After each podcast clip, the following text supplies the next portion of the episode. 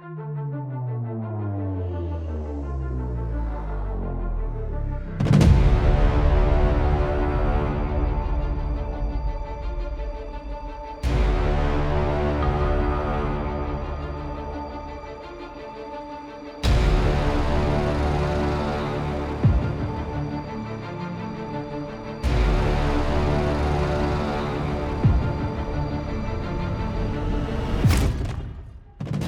Cześć, witam na moim kanale. Ja mam na imię Piotrek i zapraszam Cię serdecznie do odsłuchania jednego z odcinków mojej audycji pod tytułem Stenogramy zbrodni.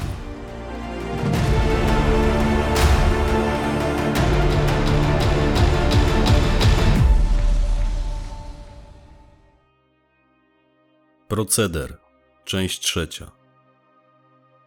Fragment stenogramu rozmowy z Olgą S. Dawno tu nie byłam, nie poznaję kilku rzeczy, nie przypominam sobie, żeby kiedykolwiek do mnie należały. Ale może zostały po lokatorach, którym ten dom wynajmowałam jakiś czas temu. Krótko, tylko przez kilka miesięcy, bo potem zrezygnowali. To znaczy, ja zmuszona byłam im podziękować. Wynajmująca go ode mnie przez internet kobieta po jakichś dwóch tygodniach od momentu wprowadzenia się zadzwoniła do mnie z pretensjami, dlaczego w chwili zawierania umowy najmu nie powiedziałam jej, do kogo należał ten dom. A ja ją pytam, jak to do kogo należał? A co to za różnica, do kogo należał? I ona coś tam zaczęła marudzić mi do słuchawki, więc ją pytam, no to do kogo należał? Niech mi pani powie. Ktoś jej nagadał, że do bandytów, i ona mi to powiedziała. Kazałam jej się spakować i się wynieść. Niech sobie pani wyobrazi, jaką dostała ode mnie połajankę. Miała szczęście, że nie było mnie tutaj, bo wyrwałabym jej wszystkie kudły. On teraz od wielu miesięcy stoi zamknięty, opiekuje się nim firma ochroniarska, bo ja od przynajmniej trzech lat tu nie byłam, a nie chciałam zostawiać tego domu, jak to się mówi, na pastwę losu. Myślałam o tym, żeby go sprzedać, ale jak dotąd nie zależało mi na tym jakoś szczególnie. No dokładnie, czego oczy nie widzą, tego sercu nie żal. Ale teraz, jak się temu wszystkiemu przyglądam, to jednak mi żal. Kiedyś myślałam, że go sobie zostawię, że będę tu pomieszkiwać w trakcie pobytów w Polsce, ale życie zdecydowało inaczej. Rzadko przyjeżdżam do Polski, w sumie nie mam po co. A jak już przyjeżdżam, to nocuję w hotelu albo u teściowej. Więc chyba ostatecznie sprzedam ten dom. Po co mam go trzymać? Tylko niszczeję, jak na mój gust już teraz wymaga pilnego remontu. Sama nie planuję przecież powrotu do Polski, nie wyobrażam sobie tutaj życia.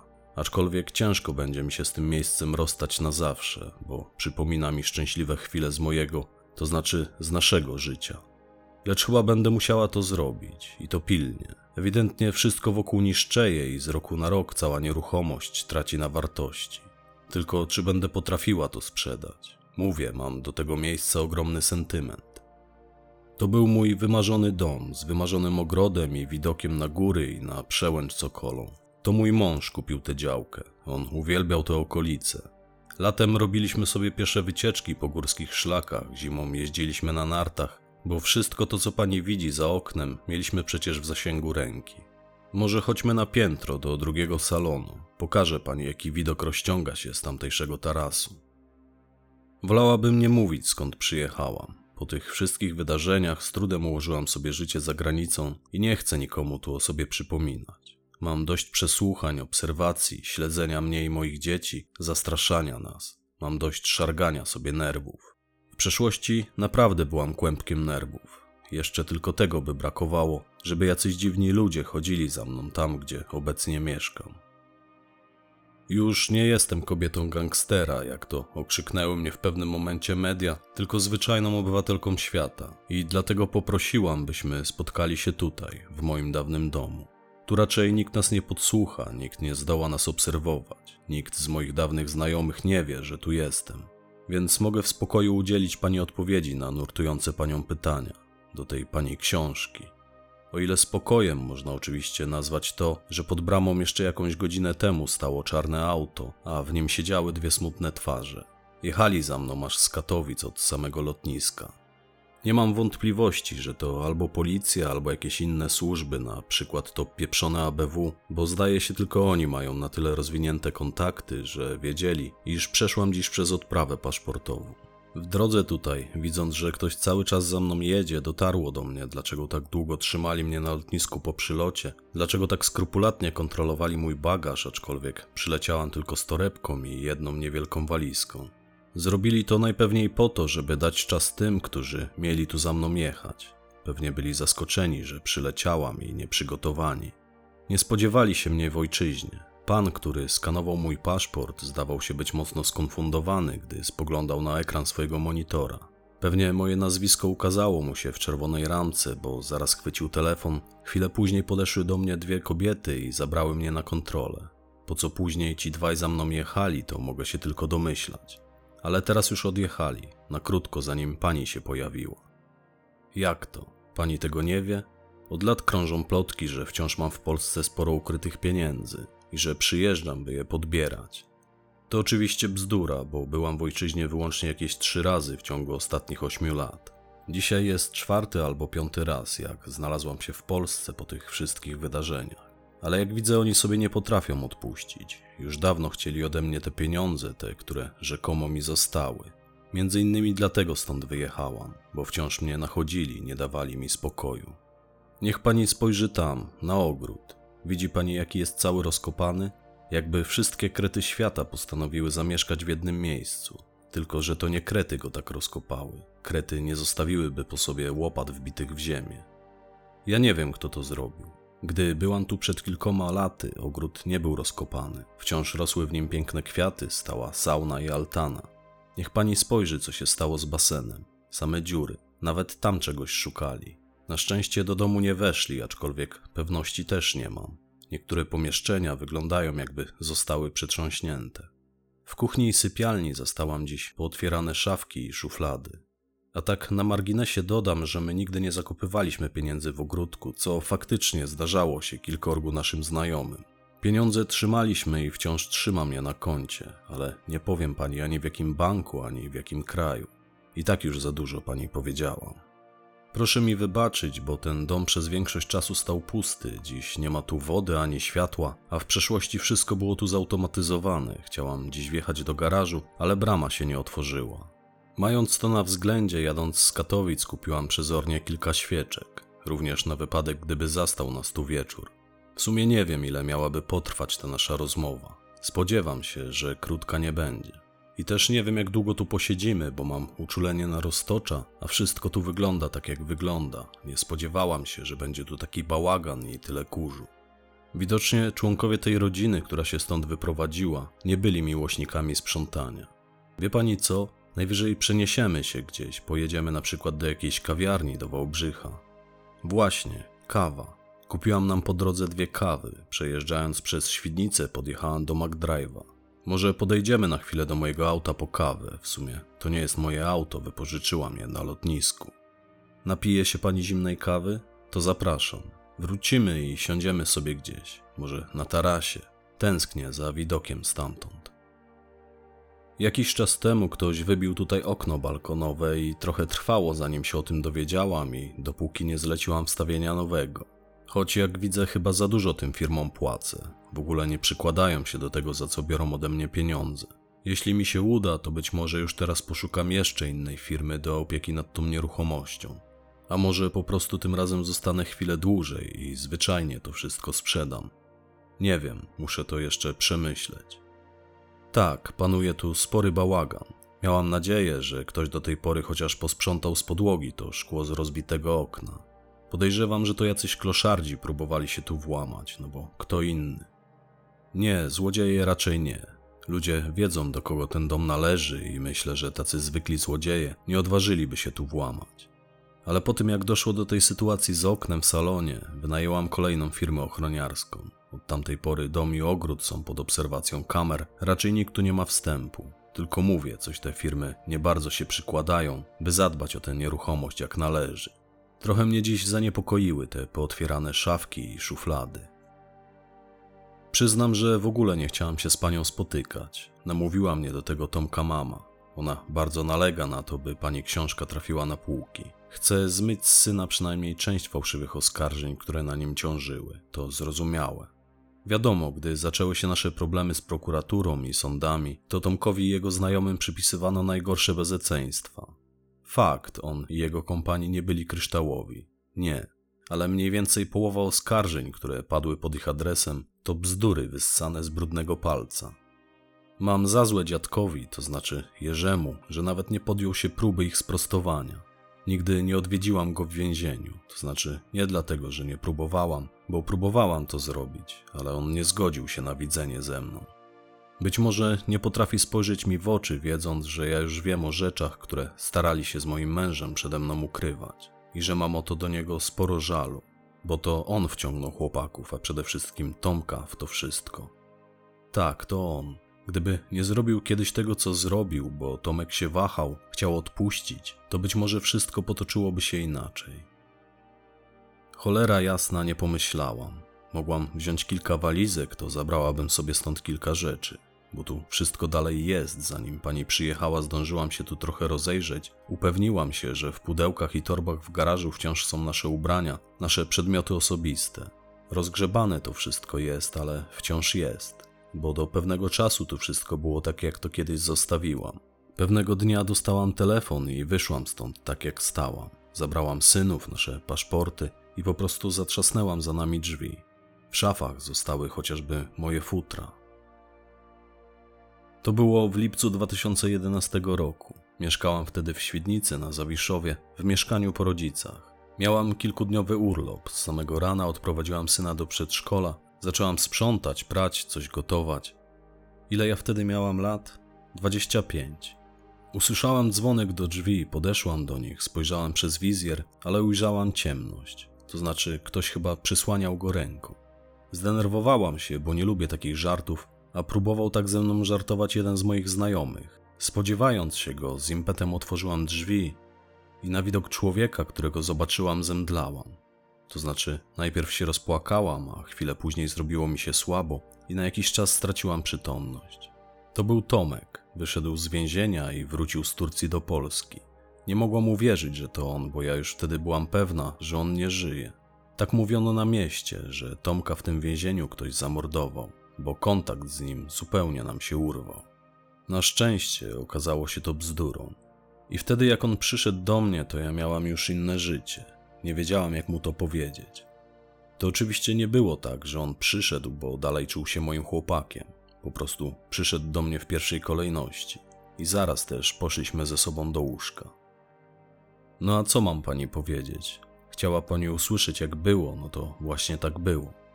Jak już odzyskałam świadomość, rzuciłam mu się w ramiona, zaczęliśmy się całować. On wziął mnie na ręce, zaniósł do sypialni i przespaliśmy się ze sobą. Potem, jak się z niego ześliznęłam, długo leżeliśmy obok siebie. W milczeniu, bo ja nie wiedziałam, co mu powiedzieć, ani jak do niego zagadać. To był inny człowiek. To był praktycznie zupełnie inny Tomek niż ten, którego znałam. Pamiętam, że on był bardzo śpiący, był zmęczony długą podróżą. I jak tak podsypiał mi na piersiach, to w końcu się do niego odezwałam. Odważyłam się powiedzieć mu, że pod jego nieobecność sporo się zmieniło, że między innymi mam czteroletniego syna, którego krótko wcześniej odprowadziłam do przedszkola. On się zerwał z łóżka, zaczął się ubierać. Powiedziałam do niego: Nie zapytasz, z kim mam syna? A on odparł: Jeśli ma cztery lata, to przecież nie ze mną. Ja wtedy poprosiłam go, żeby nie wychodził, żeby został, a on się zgodził. Poszedł pod prysznic, potem chwilę się przespał, później próbował ubrać się w swoje stare rzeczy, bo one wciąż u mnie były, trzymałam je w swoim dawnym pokoju. Tak, miałam u siebie trochę jego ciuchów, bo to było mieszkanie, w którym wcześniej mieszkałam z rodzicami, a Tomek często wtedy u mnie nocował. Potem moi rodzice wyprowadzili się do innego mieszkania, a ja tam zostałam z synem. Miałam stamtąd blisko do pracy, pracowałam wówczas w biurze podróży w rynku. Pamiętam, że śmiechu było co niemiara, bo Tomek nie mógł się wcisnąć ani w swoje stare spodnie, ani w koszulki. Szybko też złapaliśmy ze sobą kontakt, bardzo szybko. W kilka chwil wszystko we mnie odżyło. Kiedy już się pojawił, to czułam się, jakbym nie widziała go tylko kilka dni, no może tygodni, a od naszego ostatniego spotkania minęło przecież 8 lat. W tym więzieniu Tomek przytył i rozrósł się w barkach. Naprawdę fajnie wyglądał po powrocie. Mówił mi, że odbywając karę więzienia dużo trenował, w szczególności po to, żeby nie zwariować. ale psychicznie też się zmienił, po części na lepsze, a po części na gorsze. Mówiąc na gorsze, mam na myśli to, że stał się taki, jaki się stał. To więzienie i tamtejsze znajomości zrobiły z Tomka Lutego, którego dziś zna cała Polska. Po tej odsiadce stał się przede wszystkim bardzo pewny siebie i niezwykle głodny życia. I kiedy wyszedł spod prysznica, opowiedziałam mu całą moją historię. Że po tym jak trafił za kraty, już sporo później, dotarła do mnie informacja, że nie żyje. Związałam się z Siwym, takim naszym dawnym wspólnym znajomym. Później zaszłam z nim w ciąży, a on na wieść o tym, no niech pani zgadnie. Tak, po prostu mnie zostawił. Taki był z niego szczeniak. I od tamtej pory samotnie wychowywałam syna Andrzeja. Tomek mocno się zdenerwował, rozejrzał się po mieszkaniu, widząc chyba w jakiej beznadziei mieszkałam z synem, bo jako samotna matka z trudem wiązałam koniec z końcem, stwierdził, że musi dokądś pójść, ale niedługo wróci. A zaraz jak ubrał buty i stanął przed drzwiami, niespodziewanie zapytał mnie, gdzie znajdzie siwego. Natychmiast też dotarło do mnie o co mu chodzi. Prosiłam go, żeby dał sobie spokój, że to przeszłość, nic mnie z ojcem mojego syna nie łączy i tak dalej. Ale on nalegał, żebym mu powiedziała, gdzie jest siwy, gdzie może go znaleźć. Więc mu powiedziałam, że on w dalszym ciągu mieszka z rodzicami na wsi pod Świdnicą, ma tam swój zakład blacharski i w sumie to ludzie mówili, że on tam prowadzi dziuple i handluje częściami pochodzącymi z kradzionych samochodów. Mnie to już wówczas zupełnie nie obchodziło. Tomek nie był tym zaskoczony, bo siwy od niepamiętnych czasów kradł radia samochodowe i części do samochodów. To był taki łobuz, zawsze kręciło się wokół niego kilku chłopaków podobnych do niego, podobnie jak w przyszłości wokół Tomka. I powiedział, żebym pożyczyła mu swój samochód. Jeździłam wtedy golfem dwójką w dieslu, którego dostałam od taty i który notorycznie się psuł. I Tomek, biorąc ode mnie te kluczyki, powiedział, żebym dała mu trochę czasu. Wrócił do mnie przed wieczorem takim fajnym czerwonym Alfa Romeo. Przytulił mnie, oznajmił, że od teraz ta Alfa należy do mnie, a golf gdzieś przepadł. Zresztą, jak tylko zobaczyłam to Alfa Romeo, to zapomniałam, czym do tamtego momentu jeździłam. Później Tomek przywitał się z moim synem, wręczył mu reklamówkę, w której było dość sporo pieniędzy. Ja oczywiście te pieniądze zabrałam i schowałam. Potem odwieźliśmy mojego syna do moich rodziców, a sami pojechaliśmy do Tomka matki i na dyskotekę ale tę historię zdaje się już pani zna. Dodam tylko, że nigdy nie widziałam, by ktoś tak płakał na widok syna jak Tomka mama. Musieliśmy wezwać jej pogotowie, bo aż zaczęła się dusić. Fragment stenogramu rozmowy z Robertem D., pseudonim Figura. Siwy kiedyś boksował z Lutym w jednym klubie i stąd się znali. Ja też ich obu znałem, z Siwym pochodziliśmy z jednej wioski, razem dłubaliśmy w jego garażu. Od czasu do czasu coś mi tam za to nawet płacił. Osobiście robiłem to z braku innych zajęć dla zabicia czasu. Wszyscy, których znaliśmy, chuliganili wtedy, podobnie jak my, wyłącznie z braku lepszych zajęć i jakichkolwiek perspektyw. Siwy miał firmę zarejestrowaną na matkę, trudnił się blacharstwem i mówię, dłubaliśmy tam sobie u niego przy tych samochodach. I pamiętam jak pewnego popołudnia siedzimy z chłopakami w tym garażu u Siwego. Brama do garażu była oczywiście jak zwykle przymknięta, bo tam sporo trefnego towaru było. Nie będę ściemniał, akurat wtedy zrobiliśmy sklep muzyczny w Wałbrzychu. Były w tym garażu jakieś kurwa gitary, głośniki, jakieś klawisze, wzmacniacze. My to wszystko rozpakowywaliśmy akurat, szacowaliśmy ile to może być warte. Były śmiechy, żarty, zimne piwko lało się wprost z nalewaka, bo ten stał w kącie garażu. Też go kiedyś ukradliśmy z jakiejś knajpy. A nie, ktoś go zostawił po festynie na boisku i po prostu go sobie wzięliśmy. Zaciągnęliśmy go stamtąd jak swój do garażu siwego. Nie no, oczywiście, że ludzie nas widzieli, ale wiedzieli czym się zajmujemy i nikt nas wówczas nie sprzedał. A tamtego popołudnia ja podłączałem wtedy gitarę do wzmacniacza, potrafiłem grać na gitarze, zresztą dalej potrafię, i chciałem sobie pograć na takim zajebistym kradzionym elektryku. I słyszymy walenie do bramy. Nie pukanie, tylko głośne walenie. Ktoś walił pięściami w metalową bramę. Jeden ziomuś na skinienie siwego poszedł zobaczyć kto to. Uchylił lekko skrzydło tej bramy, wystawił łeb na zewnątrz i w tym samym momencie padł na beton bez przytomności. Prawie wtoczył się do kanału, bo tam był kanał remontowy w tym garażu. Akurat nie był niczym zabezpieczony. Patrzę, jak on leży przy tym kanale, nie rusza się, myślę sobie, o co tu kurwa chodzi? W pierwszej chwili pomyślałem, że policja, ale policja raczej nie dawała w mordę na dzień dobry. Potem błysnęło mi w głowie, że to ci, których okradliśmy i w sumie sam już nie wiedziałem co myśleć. Patrzę na tego ziomka, jak leży na ziemi, patrzę na resztę chłopaków. Oni też zaskoczeni tym, co się stało. Więc stoimy, zastanawiamy się, o co tu kurwa biega i co będzie dalej. A tu przęsło tej bramy otwiera się szerzej i do garażu wchodzi luty. Ziomuś po prostu dostał od niego w mordę, a że był młody, w sumie najmłodszy z nas, to był jeszcze dzieciak, bliski sąsiad Siwego, przychodził tam do nas popatrzeć, co robimy, to po jednym ciosie wyłożył się jak długi. Siwy, on akurat stał za nalewakiem ze szklanką w ręce i lał sobie piwo. To był taki niewielki nalewak, taki niski blat ze skrzynią, na pojedynczą beczkę na kółkach jak od roweru. No i kran tego nalewaka był dość wysoki. Jak siwy zobaczył lutego, to przysięgam pani, że nie widziałem nigdy wcześniej ani później, żeby ktoś tak szybko zbladł. On miał gębę czerwoną od piwa, uchachaną i nagle zrobił się biały jak śnieg. Na widok lutego to nie wiedział, gdzie się ma schować. No mówię pani, gacie z pewnością miał pełne, bo w pewnym momencie przyklęknął za tym nalewakiem i jak szczur czmychnął za regał z oponami. On oczywiście podobnie jak my natychmiast rozpoznał lutego, w szczególności po tej jego bliźnie i pewnie domyślił się, że ten nie przyszedł po prośbie.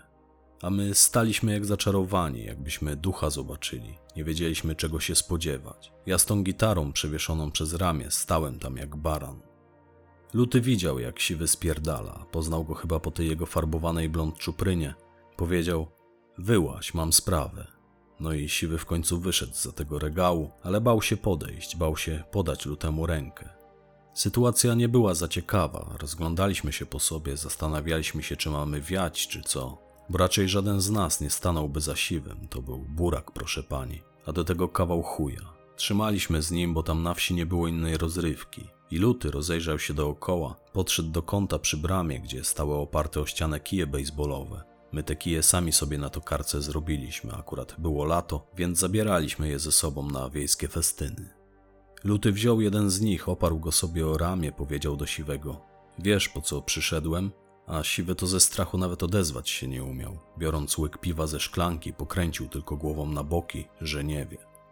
Chyba ze strachu zasło mu w tym gardle, bo on cały czas stał pod tym regałem z taką miną, jakby go w szkole pani zawołała do tablicy. I tą szklankę trzymał, ale łapy tak mu się trzęsły, że rozlał połowę tego piwa, a w końcu odstawił ją na regał.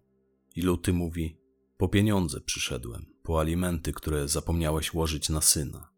Siwy zaczął się tłumaczyć, odparł, że on nic nie wie o alimentach, że Olga nigdy nie chciała od niego żadnych pieniędzy. A Luty mówi, ona ich nie chce, ale twój syn chce, tylko jest za mały, żeby ci to powiedzieć. I dlatego ja przychodzę w jego imieniu. Siwy się w końcu ogarnął, podszedł bliżej, wyciągnął do lutego rękę, ale ten nie zareagował. Patrzył mu tylko w oczy, jakby chciał mu urwać łeb. No i na koniec zmierzył go lekceważąco. Siwy cofnął się, chwilę pomyślał, spytał, ile ma dać tych pieniędzy. A luty mówi: Wszystkie, kurwa. Masz dać wszystko, co masz, bo masz spłacić chłopcu cztery lata życia. I zapierdalaj, bo nie mam czasu, jestem umówiony. Siwy zadowolony nie był, ale wiedząc z kim ma do czynienia, spuścił łeb, poszedł do domu. Przyniósł pół reklamówki pieniędzy, dał je lutemu. On miał sporo pieniędzy, wszystko trzymał w kanapie, na której spał. Mówię, to był mentalny burak, kradł, handlował kradzionym, a pieniądze kitrał jak jakiś jebany chomik. I niechętnie się dzielił. Z tego też powodu nie przepadałem za nim, wiedziałem, że ma kasę, a jak gdzieś szliśmy, to trzeba było mu stawiać. Może jakby zachowywał się wobec nas jak człowiek, to któryś z nas by się wtedy chociaż odezwał. A tak, daliśmy mu wtedy jasno do zrozumienia, ile dla nas znaczy. Miło było popatrzeć, jak ktoś sponiewierał go tak, jak on poniewierał innymi. Sfrajerował się wtedy i potem rozpadła mu się przez tą akcję cała jego ekipa.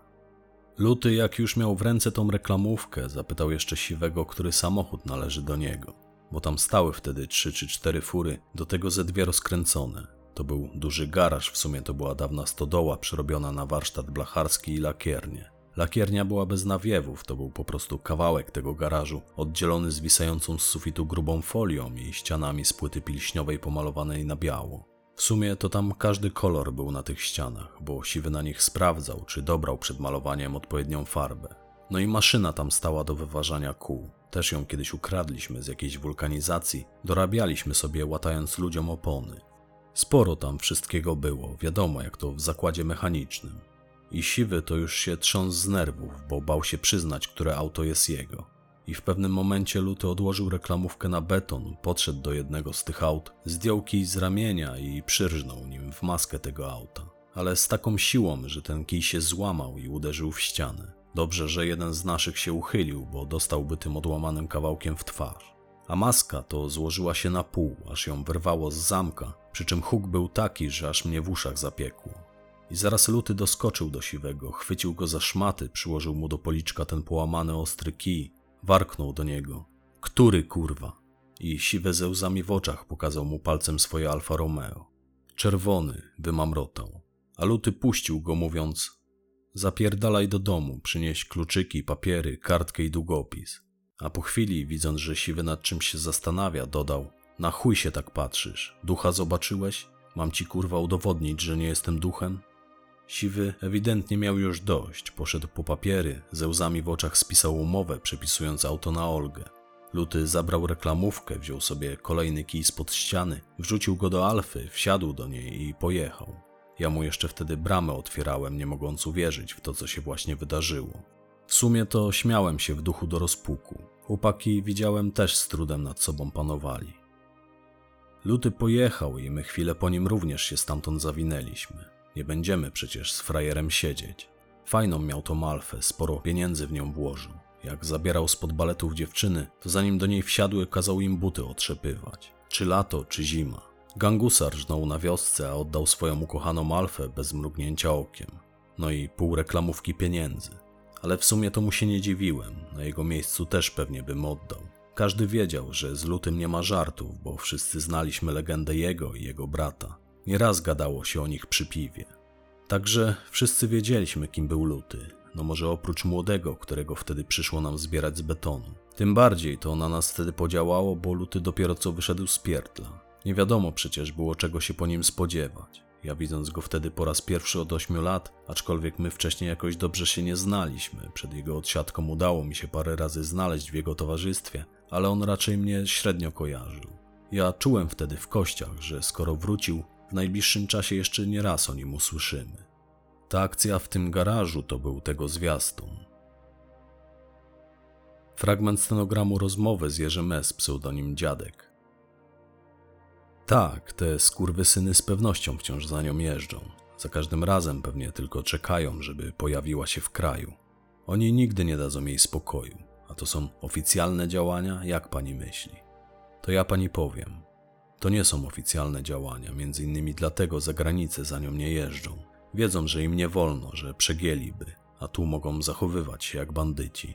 Zresztą to są bandyci, tylko działający w majestacie prawa. Mówię, oni nie dadzą jej spokoju, Niech jej pani przekaże, żeby sprzedała ten dom i więcej tu nawet nie wracała. Nic dobrego z tego nie wyniknie. Nie, ja pani powiem, że szczerze wątpię, iż tu chodzi o pieniądze. Tu chodzi o kogoś. Im w dalszym ciągu chodzi o to samo. Szczerze, nie byłem zaskoczony, że Luty w pierwszej kolejności uderzył właśnie do Olgi. Przecież nie trzeba być mózgowcem, żeby się nie domyślić, że on przez te cholerne 8 lat cały czas o niej myślał. Te historie o Alfie i pieniądzach słyszałem z opowieści chłopaków. Lut raczej o tym nie wspominał, on się nie lansował, po prostu działał i nie lubił się tym przechwalać. Często zresztą powtarzał, że pieniądze lubią ciszę. To było jakiś tydzień po jego powrocie do Polski. Poprosił mnie, żebym mówił nas z ludźmi, którym był winien pieniądze. Te pieniądze, które ja w jego imieniu pożyczyłem, gdy siedział w więzieniu. To znaczy, najpierw pożyczałem je w swoim imieniu, ale potem te kwoty bardzo zaczęły rosnąć i Luty wziął to na siebie. Do tego oczywiście dochodziły procenty, było tego prawie 100 tysięcy dolarów. Kwota wówczas dla nas nieosiągalna. Jakoś niedługo po powrocie Lutego do kraju pojechałem wraz z nim spotkać się z hersztem tej grupy, od której pożyczaliśmy te pieniądze. To była wtedy dobrze znana w mieście ekipa dowodzona przez takiego Darka. Spotkaliśmy się na siłowni przy ofiar święcimskich, którą oni wtedy oblegali. Co tu dużo mówić, to była ekipa w większości złożona z koksiarzy, handlowali narkotykami, sterydami, kradzionym i czym tylko popadło. Mieli pieniądze, mieli swoje kluby, mieli też zaufanie do mnie i stąd też zgodzili się nam pomóc. A potem oczywiście zażądali spłaty długu. Zgodzili się nawet, by Luty spłacił ich w dwóch transzach, ale on ku mojemu zaskoczeniu odparł, że na kolejne spotkanie przyniesie całą kwotę. to spotkanie miało odbyć się za miesiąc. Dostaliśmy miesiąc, żeby zebrać te pieniądze. Mogliśmy też je odpracować, ale Luty powiedział, że nie będzie dla nich pracował. Wolał zostać bandytą na swój rachunek. Kiedy wyjeżdżaliśmy z parkingu pod siłownią, spytałem go, jak zamierza zdobyć te pieniądze. Odparł, że istnieje człowiek, który też zalega mu sporą sumę. I kilka dni później wybraliśmy się do Krakowa, tą dawną czerwoną alfą siwego, którą Luty pożyczył od Olgi. We trzech. Był z nami już wtedy Sowa, dawny przyjaciel Lutego z dzieciństwa, a wówczas drobny miejski rzezimieszek. Ja go za bardzo nie znałem, nigdy u mnie nie trenował, ale z mordy go kojarzyłem. Widywałem go na mieście i na dyskotece, w której dorabiałem. Wielu ludzi kojarzyłem, stąd też byłem Lutemu niezwykle przydatny. W końcu też Świdnica to nie jest nie wiadomo jak duże miasto. I muszę powiedzieć, że Sowa nieprzyjemną miał tą gębę. Wyglądał jak typowy bandzior.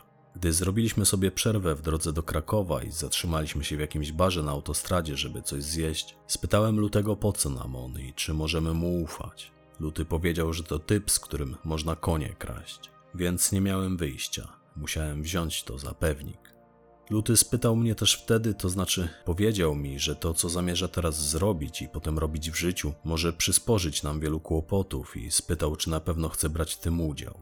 Ja wtedy nic nie miałem, nic, spałem pokątnie u znajomych. Wszystko, co miałem, to była moja wiara w tego człowieka. Przybiłem mu wtedy żółwia i powiedziałem, że będę z nim do końca. I pojechaliśmy do tego Krakowa. Sowa całą drogę pierdolił trzy po trzy. Duży to był typ, skoksowany i silny i chyba tylko dlatego nie dostał ode mnie wtedy w łeb za to głupie gadanie. Ja bardzo nie lubię, jak ktoś głupio pierdoli. A on pludł bzdety całą drogę. Odniosłem wrażenie, że wszystko co mówił miało go wypromować w naszych oczach, że chce zabłysnąć, wpisać się do ekipy. Życiorys Sowy, który później w tej swojej gadce nieco wyluzował i tworzył wraz z nami zgrany trzon naszej ekipy, był nie tak tragiczny co Lutego, ale też do lekkich nie należał. Sowa pochodził z rozbitej rodziny. Jak sam mówił, w czasach jego dzieciństwa było u niego pod dachem na tyle biednie, że jadło się tam chleb z margaryną, jak brało się kąpiel, to najpierw w bali ustawionej pośrodku pokoju kąpał się ojciec, potem matka, a na koniec on i jego młodsza siostra. Dla oszczędności wody, aczkolwiek prąd kradli. Ich ojciec pobierał go na lewo z sieci, podłączał przewody przed licznikiem. Sporo kamienic tak wtedy żyło.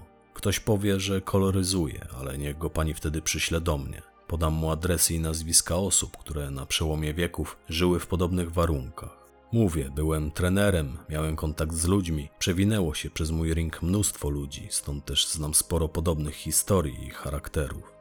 Więc Sowiński, czyli Sowa, też pochodził z biedoty, ale szybko wyrósł na cwaniaczka, szybko poznała się na nim świdnicka policja i sądy.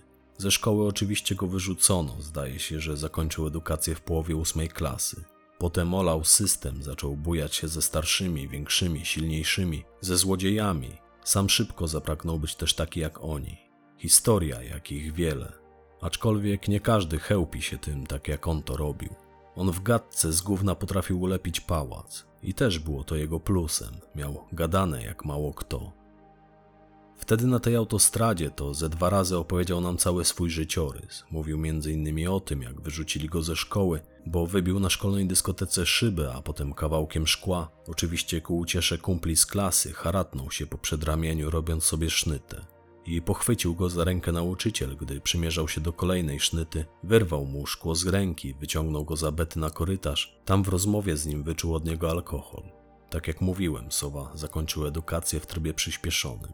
Wielokrotnie też chwalił się nam, że jego matka kioskarka, która prowadziła punkt ruchu przy dworcu PKS-u, czasami prosiła go, by ją na jakiś czas zastąpił, sama szła na zakupy. Aczkolwiek ja podejrzewam, że było nieco inaczej, bo tą jego matkę wdowę to znali na mieście, nie tyle chodziła wtedy na zakupy, co do gacha.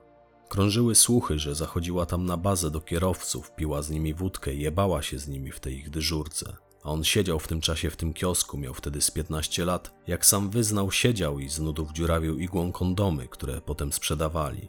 Takie miał zajawki. Mówię, on był chuligan i cwaniak od młodości, ale niestety ta jego matka w pewnym momencie na tyle nie potrafiła już sobie z nim poradzić, że sama go sprzedała na psy. Liczyła na to, że syn dostanie od sądu reprymendę, że to na niego podziała i przez to weźmie się za siebie. Niestety nie wzięła pod uwagę tego, że sąd może umieścić jej syna w ośrodku poprawczym. I ten akurat sąd właśnie to zrobił, ku rozpaczy szanownej mamusi. To było po tym, jak Sowa wpadł na pomysł, że na pobliskim jego osiedlu polu kukurydzy, bo on mieszkał na skraju miasta, na moim dawnym osiedlu na Zawiszowie, tam za osiedlem były już tylko pola, więc on wraz z kolegami porozwieszał na tym polu kukurydzy kamienie. Nie było ich dużo, jak sam twierdził, tylko kilkanaście. Powiesili je na sznurkach na wysokości kolb kukurydzy, które wtedy poszli zrywać. I mieli pecha, bo widział ich wtedy sąsiad z okna, jak wracają na osiedle z reklamówkami pełnymi kukurydzy. I gdy jego znajomy poskarżył mu się dzień później, że nieodwracalnie uszkodził sobie na polu kombajn, ten sąsiad od razu poleciał z tą wiadomością do jego matki. A ta głupia, mając dość wybryków syna, poszła z tym na policję. Więc potem Sowa trafił do poprawczaka, czyli w mojej ocenie do maszynki do robienia przestępców z dzieciaków, które się trochę w życiu pogubiły, a później odsiedział też dwa wyroki. Krótkie, bo krótkie, ale siedział. Być może dlatego nadawał z lutym na wspólnych falach. Tak naprawdę to nie powiedziałem pani jeszcze, po co pojechaliśmy do tego Krakowa. Otóż Luty stwierdził, że mieszka tam człowiek, który wsypał go w Turcji. Osobnik, który wkręcił go w walki w oktagonie, a potem wystawił, zeznając prokuraturze, że Luty wiedział o tym krwiaku w głowie swojego przeciwnika. Zrobił to oczywiście, żeby wesprzeć wersję prokuratury i wybielić własną dupę. I on nie dostał nic, a Luty pajdę. I Luty w drodze do Krakowa powiedział, że zamierza odebrać teraz temu człowiekowi to, co mu się należy i że przeliczył to już na pieniądze. Kiedy wysiadaliśmy pod komisem samochodowym należącym do tego człowieka, to były przedmieścia Krakowa. Ten komis akurat był już zamknięty, bo to było około 20. Luty wyjął z bagażnika Alfy kij baseballowy, zarzucił go sobie na ramię, powiedział do mnie: Mam nadzieję, że jesteś na siłach, dziadkie, i wziąłeś sobie ochraniarz na zęby, bo może ci się przydać. Ale nie martw się, jeśli zacznie się poważna chryja, to po prostu się ulotnimy. Potem weszliśmy na teren tego komisu, rozbijając baseballem kłódkę na bramie, pochodziliśmy sobie między autami. W sumie to ja z Sową szliśmy za lutym i zastanawialiśmy się obaj, co on do cholery robi, a on przechadzał się tam po tym placu, jakby szukał dla siebie auta. W końcu wybrał sobie najładniejsze i chyba najdroższe auto, jakie stało na tym placu, wskoczył na nie i nic z tego nizowego zaczął tłuc je kijem. Po chwili z budy, która tam stała w przeciwległym kącie tego placu, to była taka mała biała przyczepa, wyskoczył jakiś dziadziunio. Starutki taki, kaleki chyba, a przynajmniej wyglądał na mocno powykręcanego. Minę miał jakby zobaczył smoka wawelskiego.